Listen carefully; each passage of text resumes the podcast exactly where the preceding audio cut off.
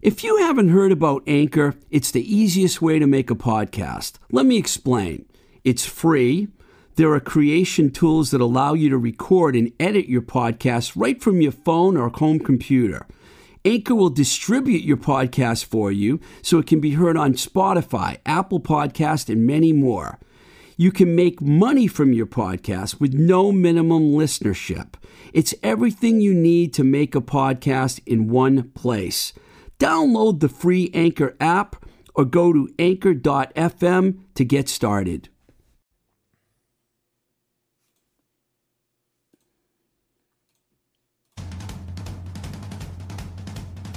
Is my camera on?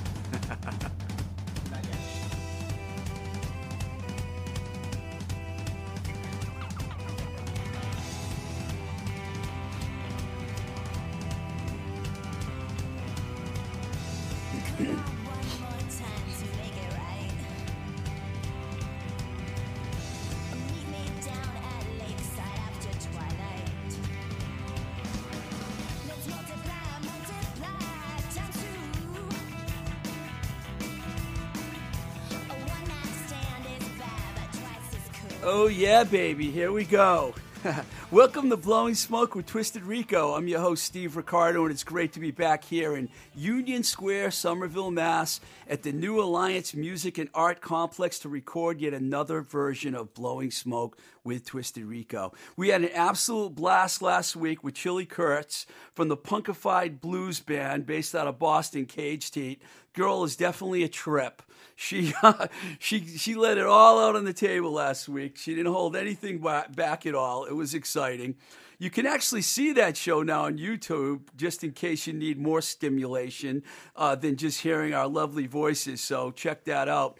This week, our engineer Herb Morsiglio of Dorchester, the one and only, and I will be joined by another one and only, the one and only Reverend Hank Peirce. Woo! I know I said that right. Peirce. yes, that's right. Reverend Hank from the outstanding film American Hardcore the History of American Punk Rock 1980 to 1986, a fantastic film from director Paul Rachman, which was inspired by Steven Blush's book with the same title, a film that I have incidentally um, watched no less than 10 times. I keep watching it over and over again. That's how much I love it. Mainly because I know so many of the people that I interviewed as as well as Hank does. And the film was brilliantly done, and we'll definitely be talking about that with Hank shortly. Uh, before we bring Hank on. A, a big shout out to all the contributors of the Blowing Smoke with Twisted Rico Patreon page for their continued support of the podcast. Sue K, Zach, Dave, Maria, Ellie, Matt, Andy, Lee, and Chad. You guys rule. If you want to support the podcast, please go to patreon.com slash twistedrico and you can get started for a minimum of $1 a month.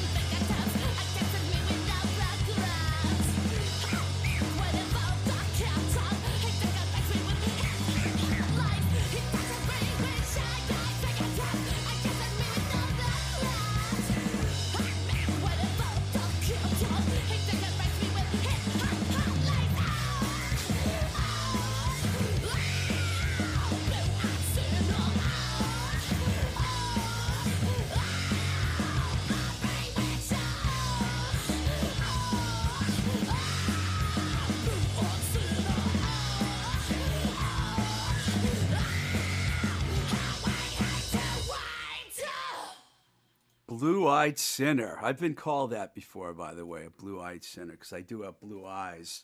See.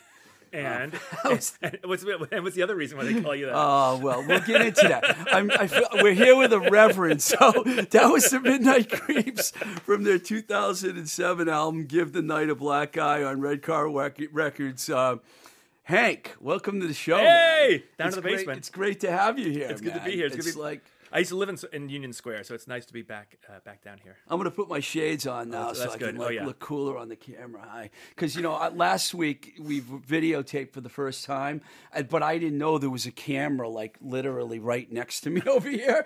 And then when I in the middle of the podcast, I look up and there it is, man. I'm like, holy cow! So uh, I've known Hank for a while. Uh, should we talk about how we met? 85, sure, yeah, yeah. It was it was 1985, and the Straw Dogs were touring in California, and the whole band and you and Uh, well, uh, Kevin um, uh, Kevin Hall. Kevin Hall, you guys were roadieing with the band, and you guys all stayed at my house. My recollection of that is a little, you know, I was working at Enigma at the time, so I was having a crazy life.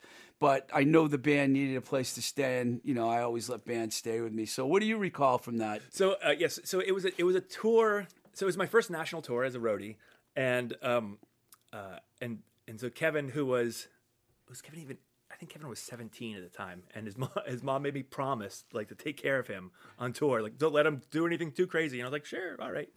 Um, and um, but the and the band was really they really didn't want to be known as the FUs. They were just the Straw Dogs, which was um, which was too bad because you know there were, there were definitely places that like on tour. I remember we played in in Portland, Oregon, and um, ran into some of the guys from Poison Idea, and they're like, you know, I was like, hey, how come nobody showed up for the show? And he's like, well, who are you guys? I said, well, the Straw Dogs, but you know, to be known as the FUs. They should just change the name. And the guy was like.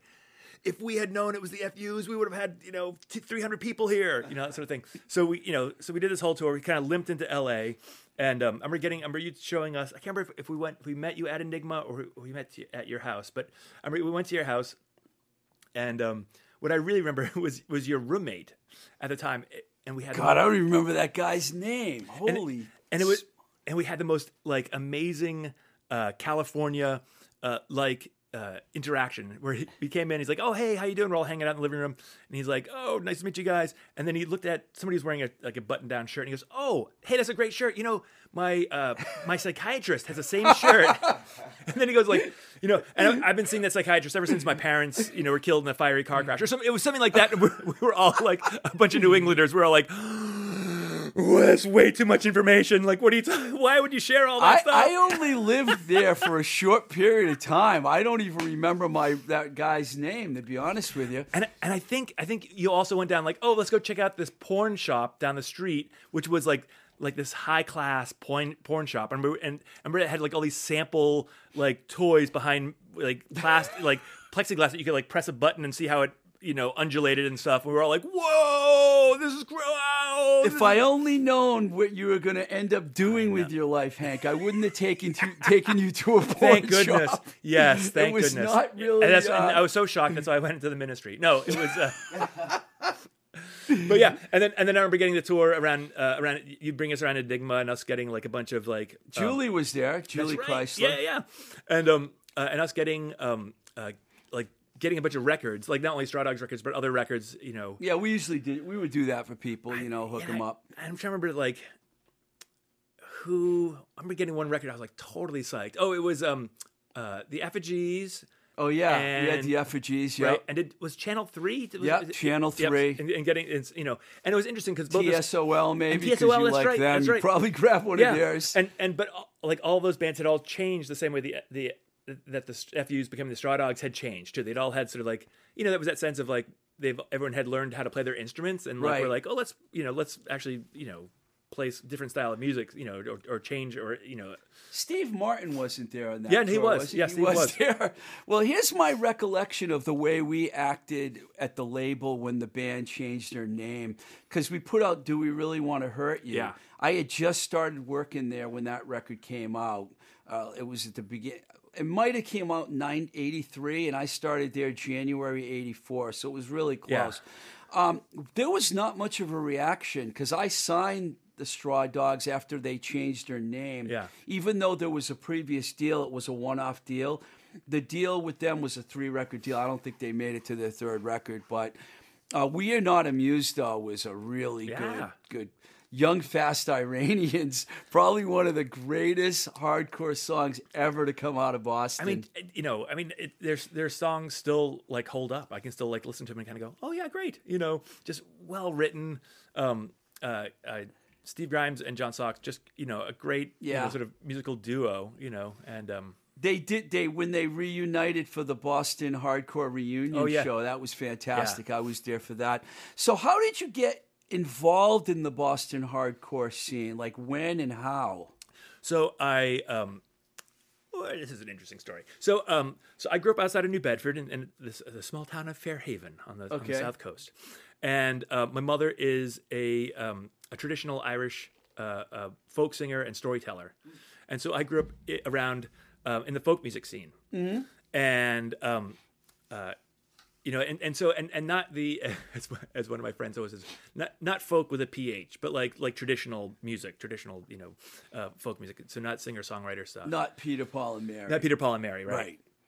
And um, uh, and and you know, and I, you know, and I don't know what to blame. The fact my my inability to play any instruments, um, whether it was my ADD or just like just not not having the ear for it, um, or or uh, but um, there were these these guys who were when I was like thirteen.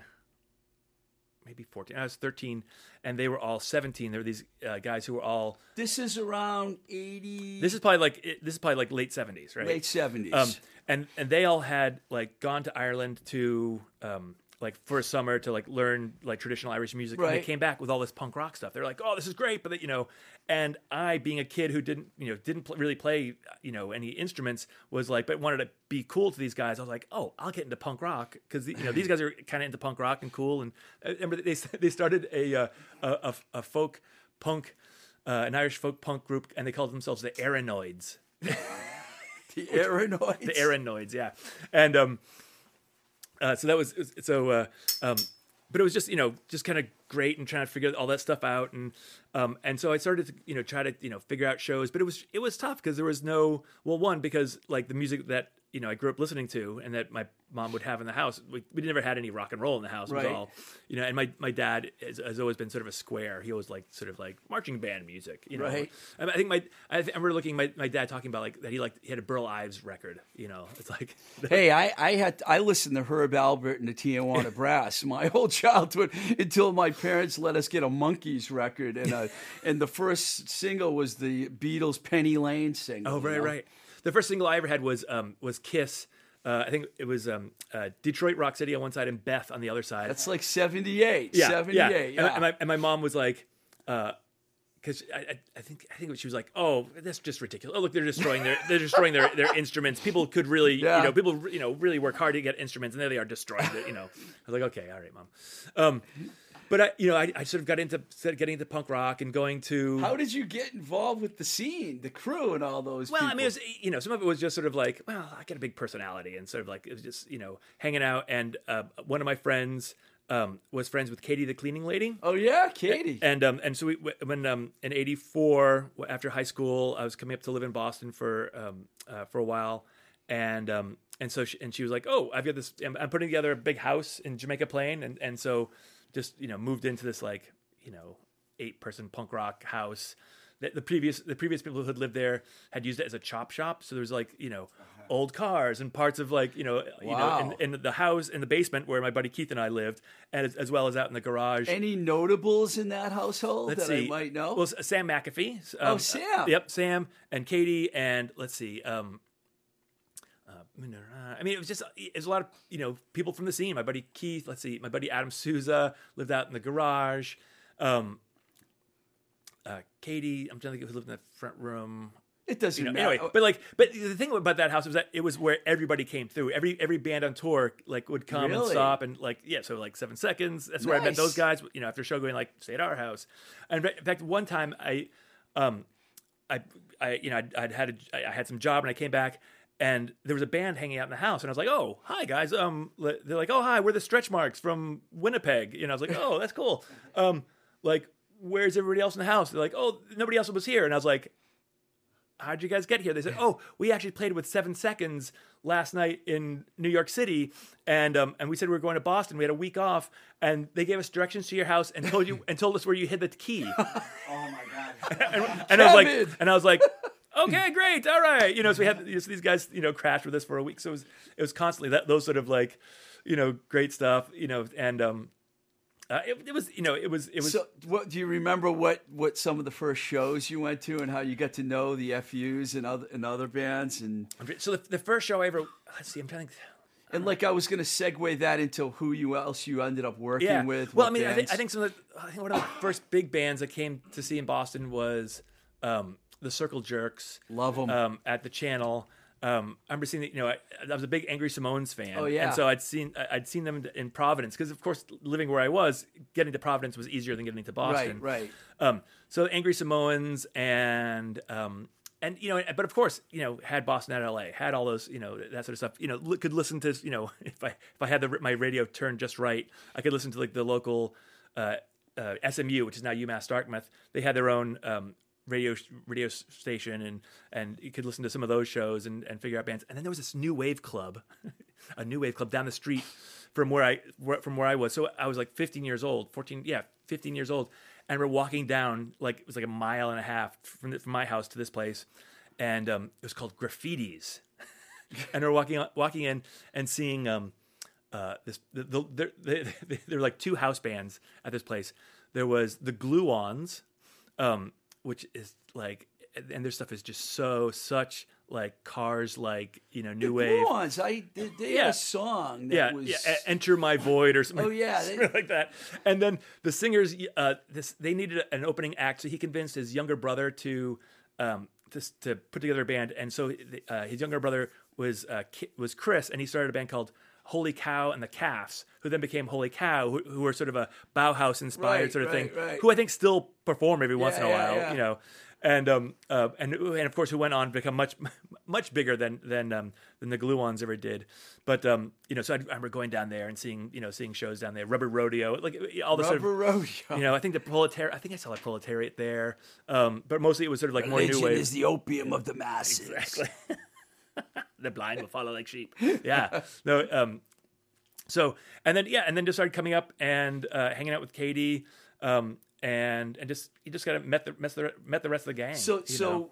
did you tour with any other bands besides uh, the Straw Dogs? oh yeah, so so I, my first tour was with the Straw Dogs, and then um, Slapshot? Did you I, go? I, yeah. I did all the early shows with I Slapshot. thought so. Um, I toured with um, uh, Uniform Choice from California. oh, I, they and- were on my, they were on Giant Records. Right, right, right. Yeah. Yeah. And um, uh, Dubar's a great guy, man. those- I haven't talked to him in years, but I like Pat. Yeah, the, the, the whole family was is Wow, is so great. you yeah. went on the road and, with UC. and, and and with and with corrosion of conformity as well. COC Yeah. and UC. That's Yeah. nice. And uh, and then just a bunch of other small, you know, local stuff. And it's and, um, weird how we're connected because I worked with Uniform That's right, Choice yeah. at Giant, and I worked with COC when they were at Metal. That's right. That's right. Yeah, yeah. yeah uh, that's right. Animosity record. Oh yeah. which was good which record. is really the best record. Yeah.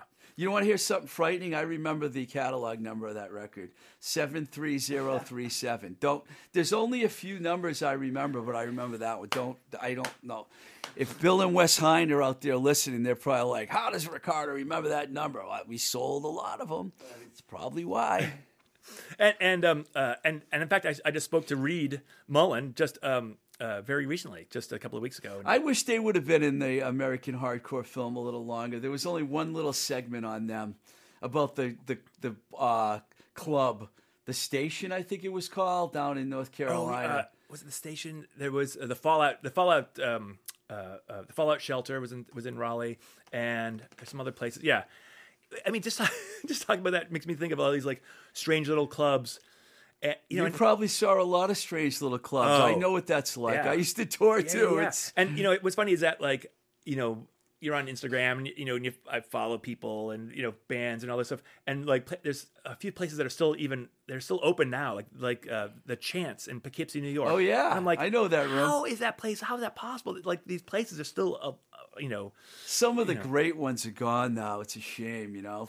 Yeah. Well, and, and of course, and, and they were all fire traps, and they were all Yeah. like, you know, just you know, you know, hole in the wall. I mean, one of my I, this didn't happen when I was with COC, but another another time, like a sort of tour before I got I went on the road with them.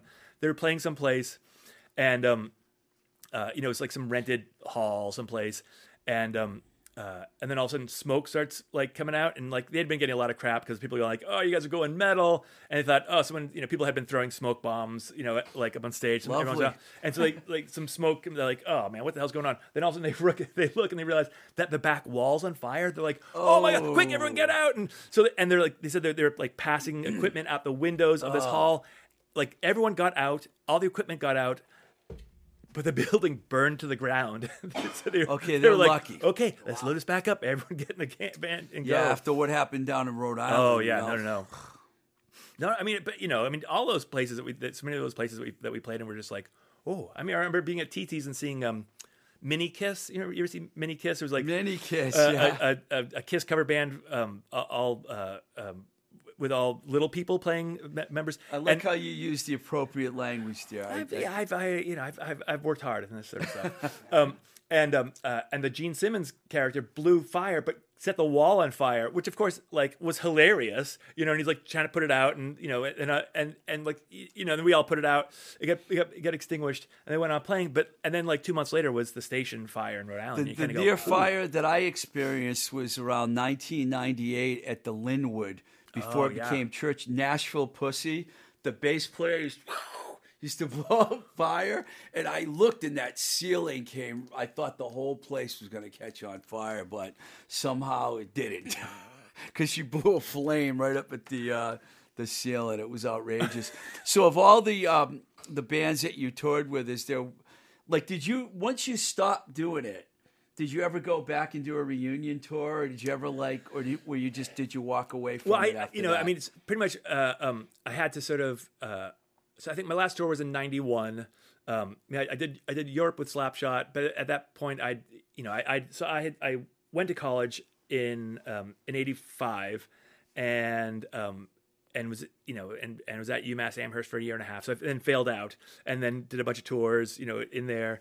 Um, and then went back, you know, then I was like, okay, I, I need to go back to college. So um, that was about the time I really sort of started going, you know. I, so I, I did a few weekend stuff, but for the most part, um, I remember being in, in um, with Slapshot in Philadelphia the day that um, Nelson Mandela came to Boston, and I was like thinking to myself, damn, that would have been, Oh, yeah. you know, here we are playing this place called the Liberty Bell, and there's like, you know, maybe 150 kids there, and it's like, I got to ask you. I, I, watched, I. I watched the Slapshot uh, documentary. oh yeah, yeah, yeah, Loved it. yeah.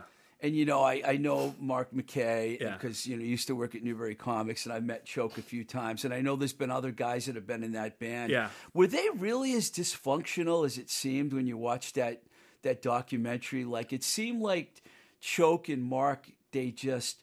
I even wrote Mark about this and talked about it when it came out. It just seemed like there was a lot of. What word am I looking for? There was just problems. I think fam- I think you know family dysfunction is, is certainly you know fine. You know, in part like You didn't see any of it though. Well, of course. No, we all did. You know, of course, we- you know. But the, the thing was, um, was that it was, you know, why did we go? Why did we all get into punk rock? Like, it wasn't because we were like mentally healthy and had like you know lots of friends point. and stuff. We, we got into it because it was like, it was the place where, um, all of us who were like just kind of you know fucked up or came from bad families. I mean, it was also, you know, that at that point too, America was so you know the, Reagan era was so about con, uh, conformity, and so if you didn't conform, whether it's because like your parents were British and you use different terms for you know you use petrol instead of gas, you know, or um, uh, you know you know, or you had a mental illness, or you had a physical ailment, or whatever, and you didn't fit in. You're too tall, too short, whatever. Um, like punk rock just became this this rallying point. I mean, that's I mean, the thing about for, for me about punk rock. It was like, yes, it was about the music, but it was also really about like just this island of misfit toys where we all kind of ended up and going like, oh, this is great. kids needed to have their say. Yeah, right. right. And so I think, um, I mean, all the bands. I think we all, you know, um, in some ways, um, uh, like yeah, the fact that we all like, you know, we were all sort of living out our dysfunctions, and and um, you know, some of us were healthier than others, or or not, or able to, you know skedaddle out and stuff. And We, so- We've had some really nice conversations at Diesel. You know, we would run Yeah. into each other at Diesel when, when I Yeah. lived in Somerville. I can imagine you having a calming effect over a bunch of guys in a van. You know, when they're getting out of control. Because I don't. You're very. You have a calming effect on people. Yeah, Did I- that help? for no, them? well, no, because I don't think I, I really at that point I, I Like, had. did a- you get in fights or anything with any of the guys in the band? Oh no no no! See, that's no, what no, I mean. Yeah, you have yeah, a calming. Yeah, yeah. No, right, right. My, so, right. My role in my in my own family, my par- my parents, you know, my my nuclear family was um, as the um, uh, because my my my parents' marriage wasn't great.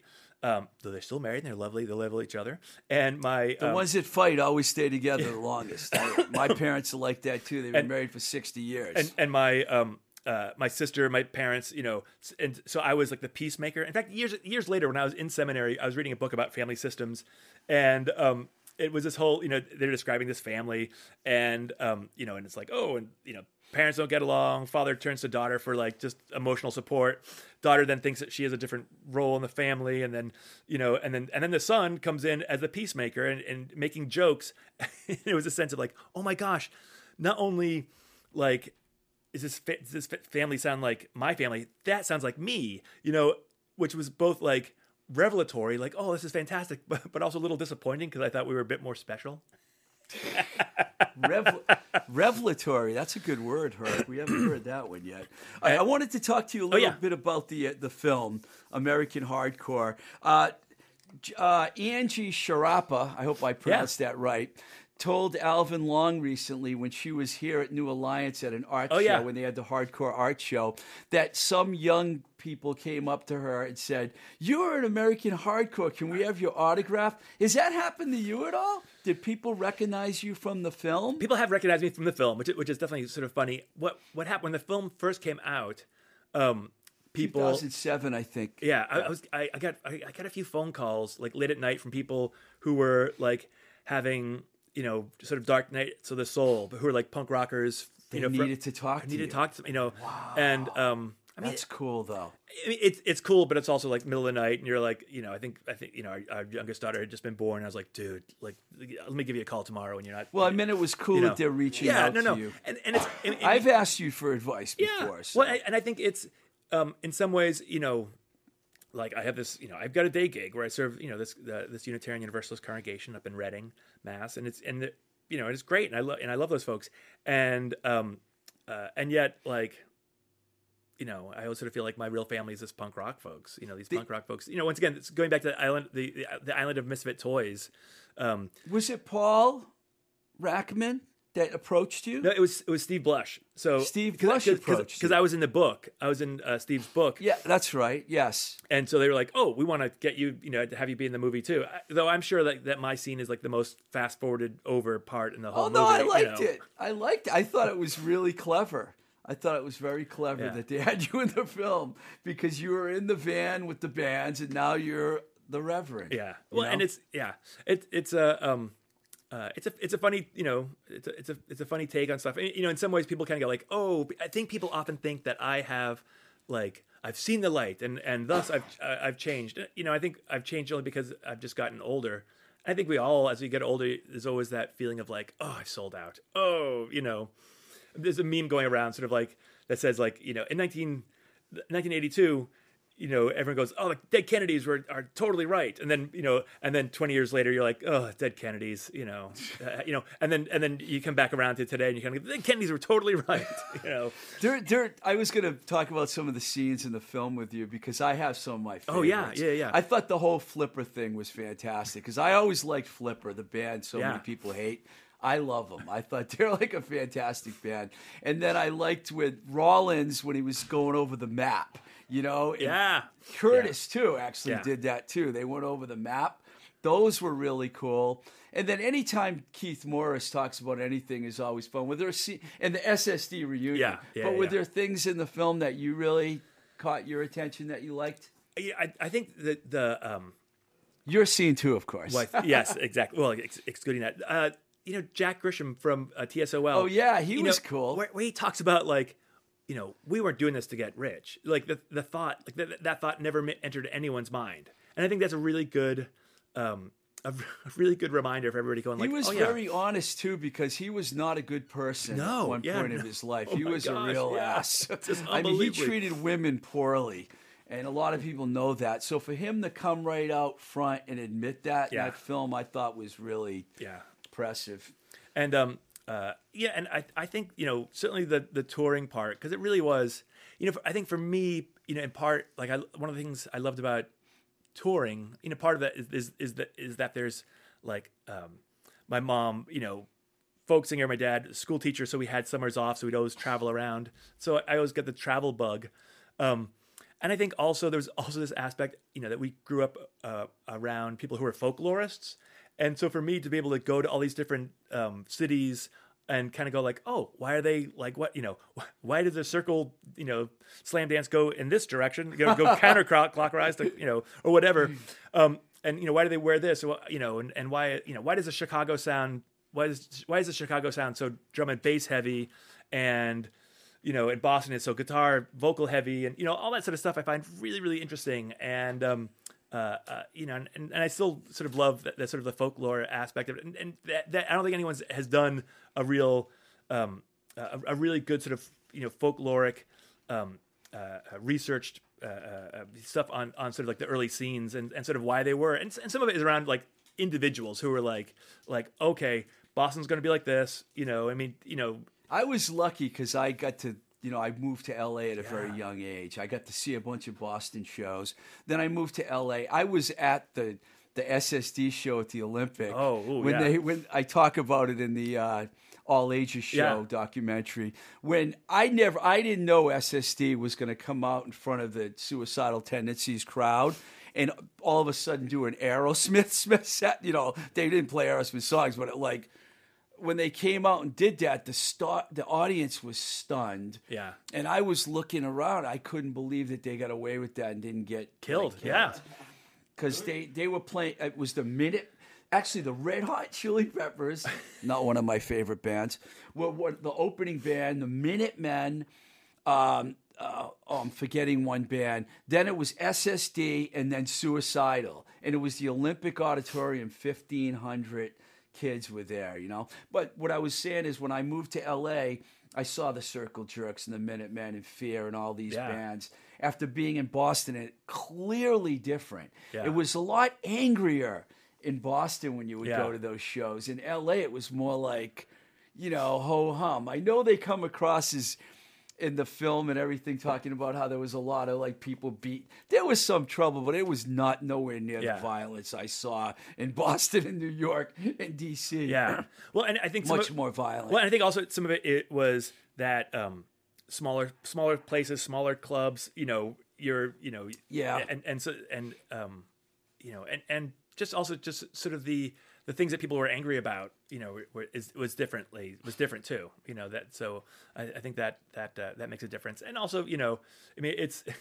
It's really easy to be like, you know, in February in Boston, and be like, I fucking hate this. You know, we're like February in LA. You're kind of like, hey, it's Life's 70 degrees, beach, dude. Yeah, Surf's up.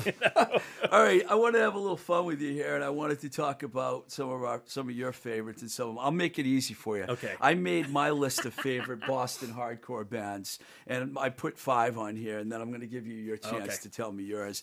I've got DYS, not in, not in this order, but DYS, Gang Green, FUs, SSD, and the Freeze. But my favorite live band out of all the Boston hardcore bands was definitely Jerry's Kids. So, wh- what were your favorites? Yeah, so Jerry's Kids definitely my favorite band.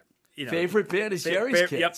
Uh, uh, favorite, you know, in in power, in part because like it's the power of SSD, the speed of Gang Green, like smart, like uh, lyrics.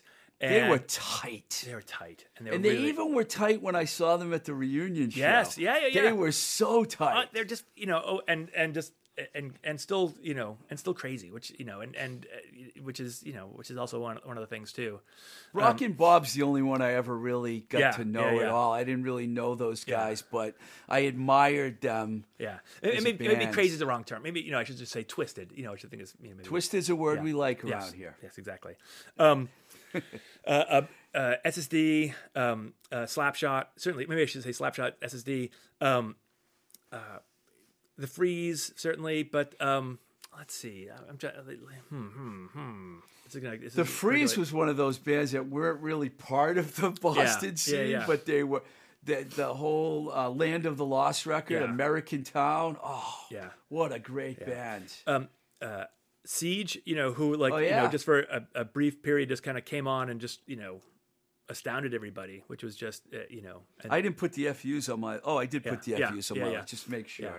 and you know, and, and like I said, I mean, the FUs were, you know, I mean, every once in a while, you know, I'll just kind of, it'll come onto my, you know, onto my my playlist on my on my phone. And all of a sudden, you kind of go, "That's a well written song. Those are those are good lyrics. Those are, you know, John was a really good singer too. Yeah. Oh, John's got a really fan- good singer. fantastic He's still out there doing it, man. which is amazing. great. Which is great. You know, I don't know if you reached five, but yeah. it's close. Yeah, I'm and then my all-time. I, I was going to ask you about your overall, not including Boston bands, circle jerks for me: Minutemen, Minor Threat, Flipper, Bad Brains. Well, certainly Bad Brains. Uh, I've always loved the Iggy Pop, the Dictators. Um, Oh, the Stooges. the yeah, you know. I, right? Yeah, yeah. Um, uh, hmm, hmm. You know, I, let's see. It's tough, you know, and and and um, well, you mentioned COC and Uniform Yeah. Choice before. I really love Uniform Yeah. Choice too. You know, they were the great straight edge California straight edge band. You know. and uh, yeah, and it's You you you've always been straight edge. All yeah, along, no, right? it, yeah, from like '83. You know, as soon as I heard about it, I was like, "What? There's a thing that's basically doing what I'm already doing." was it doing." the Boston guys or was it Ian Ian and the DC guys that caught your attention? it was you know, it was a, it was a, it was even before I even heard any of the bands. Oh, really? uh, um, uh, you know, I'd be- you know getting into punk rock, and um, uh, my buddy, my best friend Keith Gates had said, said like, "Hey, uh, you know, hey, you're straight edge, right? And I was like, what's that? And he described it, and I was like, I guess I am, because that's yeah, that's it, you know. And then and then sort of like tracking down all the bands and kind of going like, oh my god, oh right, that that band that I'm already listening to, like I should, I, you know, I should get a, a lyric sheet because this was just a cassette that someone gave to me, sort of thing. I remember when I was in college and I heard about the straight edge thing 'cause I was the music director at my station. Specifically, didn't go to shows because I had long hair, I smoked weed, I drank beer, and I was scared that if I went to a show, you know, someone would beat the shit out of me. so I kind of avoided it. But then Gang Green and other bands seemed to get away with it, you know? Yeah, well, I, I think you know it's um, well, I, I think the um, the mythos is always bigger than than the you know than the actual thing. You know, being on tour with Slapshot, people will always be like, "Is this true?" And you're like, uh, "Will this sell records? Will this?" Yes, it's true. You know, um, uh, um, so so it's, it's We, I saw them at CB's. You were probably with them. It was 1986. John Anastas was still. oh yeah uh, yeah yeah yeah. it that lineup was fantastic. I love. I mean, they've had a lot of good lineups Yeah. over the Yeah, yeah, years. yeah. Darryl Shepard was actually on Facebook today talking about when he was in. Oh, really? Oh, yeah. Slapshot. Yeah. Because I know they've had a lot yeah. of different members. he, right, he came in right after right, right after Jordan uh, left the band. Right. yeah, he went to Europe with the band. Were you on that tour too? Uh, no, I went on the first Slapshot European tour. Um, uh, which which was before Daryl. That was that was so that was I can't imagine. Daryl not drinking beer. yeah, right. No, exactly. It- and so I went on really on the, Love you, Daryl. on the on the last on, on the last tour when everybody was slap when everybody was was still you know straight edge, and um, uh, And they're on. They're still out there playing. Choke's still pl- out there playing doing stuff. Right, right. You know, and um, it's uh, yeah, it's it's funny. I mean, it is always um, uh, it, it's one of those things you kind of go like, oh, you know, what's it's hard, it's hard not to pass judgment because you kind of go like, oh, what's this person who's fifty six Straight six edge years didn't old? bother me. Right, you know, yeah. it didn't really bother me at all, and and and that doesn't bother Yeah. me either. That old guys. I just watched the, a Descendent show. I watched the whole show that they shot in Hawaii like about a year ago, and I was thinking, oh my god, this band is amazing. Yeah, right, I mean, right. when are they going to put a hardcore or a punk band? Well, the Stooges are in the Hall, Rock and Roll Hall of Fame, but what Yeah. about Black Flag? What about the Circle Jerk? What about Minor Threat? Don't they belong in the Rock and Roll Hall of Fame? Really? we were we, I was at um, the uh, Museum of uh, African American History in DC, this, this Uh-huh. new, the new Smithsonian building, which uh, allow me to recommend that museum. It's fantastic, and um, the the building is is designed. It has um, it's three stories below ground and then four stories above ground, uh, and the and the lobby just being the lobby. So, um, and you start at the bottom and you sort of work your way up. So you start at like the start of slavery in, in America, work your way up. But you know, so that's all below ground. And when you get to the the, the end of um, the civil rights movement, that's when you get to um, the back up to the lobby. And then if you go up to the top, there's sort of all the contributions of African Americans to American culture, and there's a whole section on on music.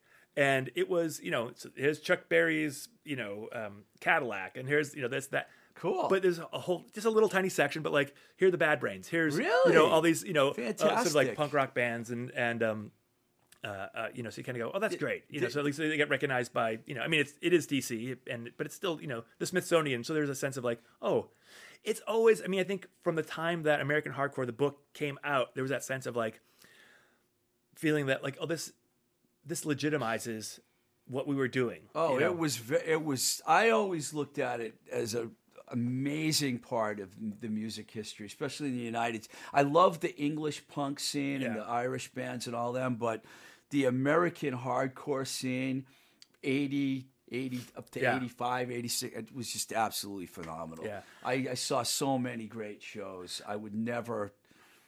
I- I'd never change that part of my life I mean, it, it, and what's what's funny is that um, you know baby boomers made music be so like this is so important. This is so important to our culture and who we are, almost to the fact that it sort of drained all of the energy out of protest movements and all that. So what did what you know that afterwards for punk rock it became all about necessarily about the music. Where like I said, for me it's always been about this place of of um, you know Island of Misfit Toys, and that you got into the music, you know, because these are your friends, or this, you know, there's aspects of it you, that really sort of turned you on, um, and um, you know, and and so like you know, actually in the in the Boston hardcore.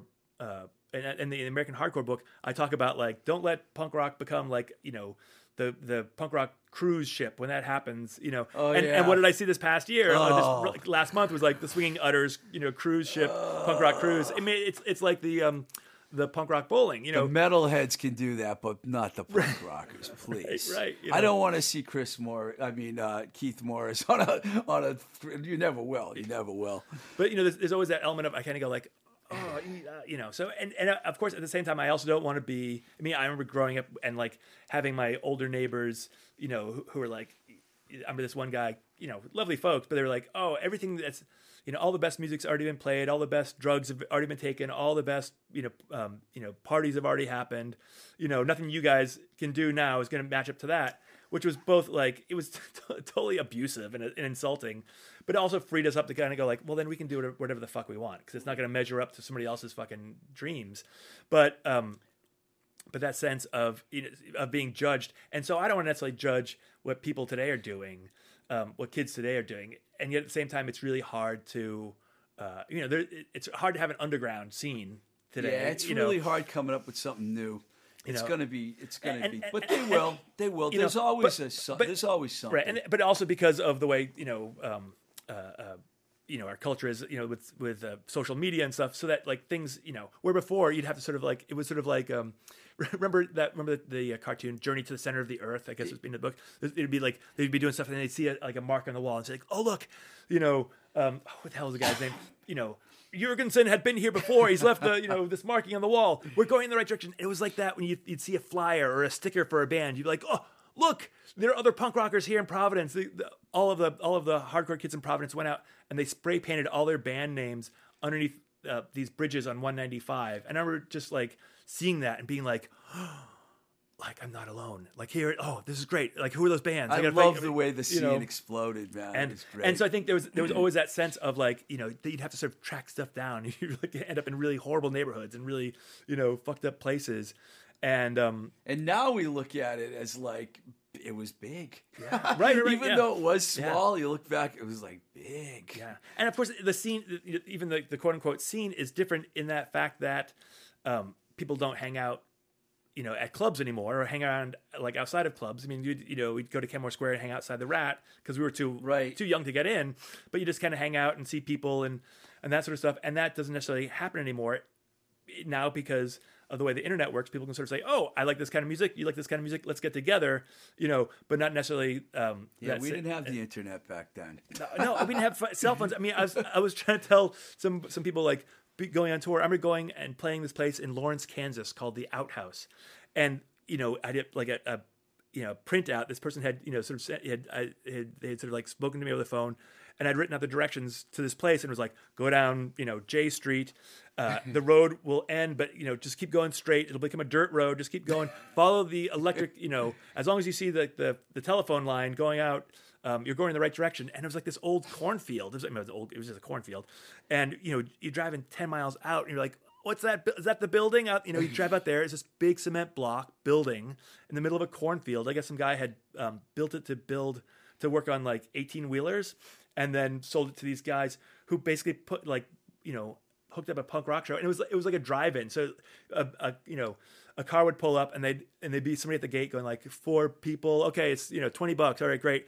And then they'd park, and then like you know three kids would jump out of the out of the trunk. You know like that sort of shit. Like the drive-in. Like when we went like to a the drive-in, right? and and I remember like we, we played there. Um, Slapshot played there with uh, um, Underdog, no, not Underdog. Um, uh, um, oh, from St. Louis. Uh, blah, blah, blah, blah. Uh, oh, it's, um, it's gonna Tim's gonna kill me. St. Louis. Um, uh, um, Ultraman. There he is, Ultraman. Ultraman. and um, uh, and we went inside, and it was just this big cement block with a stage and some lights, and it was freezing. It was winter. It was freezing, and I was like, "Oh my gosh!" Like, how do they warm this place up? And look, and next to the stage, not on the stage, but next to the stage on the floor was like one of those giant fifty-gallon drum like oil drums this one had made into a like a, a wood stove. And so they start heat, you know heating it up like oh that's cool. But then like the band starts playing and kids are in there and i thought i realized like everybody in this scene must have like burned forearms because you know every every once in a while you get sho- people get shoved into this Oh fucking my. wood stove like ah, oh my god what's going on? Oh. The, the Descendent Hank, the Descendents have a whole amazing story about that about that place that they had in fact they I don't know I guess it was the Descendents maybe not all- or uh, maybe it was all but they um uh they had um you know, 'cause they, they hated going on tour and, and like having to use the horrible toilets in punk rock clubs. Yeah. So they, they found this hunters, um, like a a um, uh, uh, like a, a portable toilet that hunters would bring, right? So, and this little fold out, you know, chair with a plastic bag that you'd poop in, and then um, and so they kept it in their in their in their U-Haul in the back, right? So they they're, they're going everywhere. Bill Stevenson. That that he. So that was a Bill Oh, Stevenson yeah. thing. So they, so they, they, so they play out there, and one of the roadies um, is like, "Oh, I got to poo." So he takes like this thing. It's called the Trailblazer. That's what it's called. And they take it and they walk out, and it's a it's you know it's a cornfield, but it's it's winter, so there's just nothing. It's flat. So this guy walks out. You know, he could have walked out hundred yards. But he's you know he sits down. Everyone can see him. Everyone's everyone else is cracking up. It's before the show. Everyone's cracking up. He's this guy like he's got some fanzine. He's sitting down there taking a poop, right? And, I guess one of the guys back there back at the, at the club was like, he looks like he's ice fishing, and somebody goes, "Hey, are you ice fishing?" And he turned, and when he turned, it caused the whole thing to collapse. Oh. All right, so all of a sudden they just see like this this blue mist of like that like gross like you know chemicals. Oh. Oh, right, which of course makes everybody go ah! And the guy comes back and he's like, you know, covered in shit and blue stuff, and um, and they're all cracking up and and but he's like, what do I do? cry, Hank. and um and and they um and they go like oh well you can get you know uh, the the kid who put on the show was like well you know you can come back to my house and shower and the guy's like great here guys give me the give me the keys to the van they're like no fucking way are you gonna get in the van covered you know so he had to like ride back in the back of someone's pickup truck back to his kid's house it was just like you know it was an epic story which you know i'm glad to be able to share it you know Yeah, I got to get a photo of you, Hank. So, well, you know, while you're in your element here, uh, this could go on all day, but we're gonna have to. okay. I can tell you have a million stories to It's- tell. it is true. And you're fantastic, man. And I want to thank you for joining us on Blowing Smoke with Twisted Oh, this is great. This you is were great. on the you were on the top of my list when I made my list of people I wanted. I wanted you, and I'm glad you came out, man. this is this is fun so thank you. and and really a great setup and it's also great to find places um you know that aren't that are still like this you know they can you know a Yeah, place this is a really recording cool studio art place. place you know Yeah. i mean and look at this, this is a really nice setup We're happy know. to be here at New Alliance, definitely. But thank you very Oh, much. thanks Hank. so much. It was a pleasure having you on the show. Uh, gonna do one more thing before we cut out this week. A while ago, we did a segment on our favorite Instagram pages, and we got such good feedback from that that I wanted to do it again. Uh, hey, Herb, how about a little intro music? Can you put Pussycat on for a little bit here? And, yeah, yeah, perfect. Yes. Thank you, thank you. That's the charms, Pussycat. We got a little added in there. So I picked out a few cool Instagram pages for you to check out. Ready, steady, go. I'm going to start with a good one that's kind of pertains to today. At SSD Control Official. That page is fantastic. It's the Boston Hardcore Band. It says, Boston Hardcore Band, stupid comments deleted. when I saw, when I first saw that, I'm like, this is going to be good. But there's a lot of great stories and photos from the great SSD and various uh, people that were somehow associated with the band. It's highly recommended.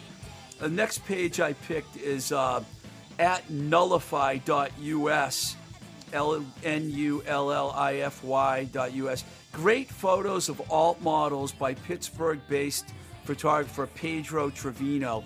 So I'm a big fan of his work. So if you like checking out alt models and that, I would check that out. Then we have at Busy Phillips. Who doesn't dig Busy Phillips? She's awesome. That's all I have to say about her. And then another guy that we all love, at Brian Slagel, who's the owner of Metal Blade Records, probably the biggest metal fan in the world. And he's not only friends with me, I used to work for him, but he's friends with just about every huge metal band in the world. You've heard me talk about my experiences of working at Metal Blade. It was definitely one of the highlights of my career to work for Brian. Uh, follow his Instagram page. You will not be disappointed. A couple more here. At Moonbeam Cafe, my good friend Nina, who also happens to be the unofficial Blowing Smoke with Twisted Rico model. Let's just make her, her the official model. Of, uh, instead of calling her unofficial, we'll make her official. She has her own cafe now outside of Pittsburgh. It's called the Moonbeam Cafe. Um, next, we have some other good friends of mine at Field Day Sounds. This, of course, is the account for the band Field Day, which features Peter Cortner and Doug Carrion, who uh, played on the Wig Out at Denko's and the Field Day records with the legendary Dag Nasty. Also, that You're Mine and All Ages show single, which was so popular. Um, they've been out there playing a lot, and I guess next year they're going to do a real tour, and I can't wait because I was involved with uh, the Field Day record, and I love those guys. We were talking about the Descendents before. Doug Carrion played on the Enjoy mm-hmm. record, the Descendents Enjoy record, so he's a really cool guy. And then uh, what do I have next here? Uh, Sydney Mailer. She's the co-host of, of the Sorry Mom podcast along with Nikki Howard. Let me just say I love Sydney Mailer. She's funny, beautiful, and entertaining as hell at Sydney A. Mailer. And uh, those are some of my favorite Instagram accounts. Last time I did this, got a lot of good feedback. People loved it that I talked about different, you know, Instagram accounts. By the way, I have one at Twisted Rico. Please follow me. Um, I'd like to also. Hank has one too. What's uh, yours, Hank? Uh, uh, Rev Hank, but uh, I only, I only since I post my family stuff in there, it's only only let friends on. But let me just say, Jay Bakker, uh, uh, J A Y B A K K E R. Nope. oh no. His, his parents were Jim and Tammy Faye Bakker.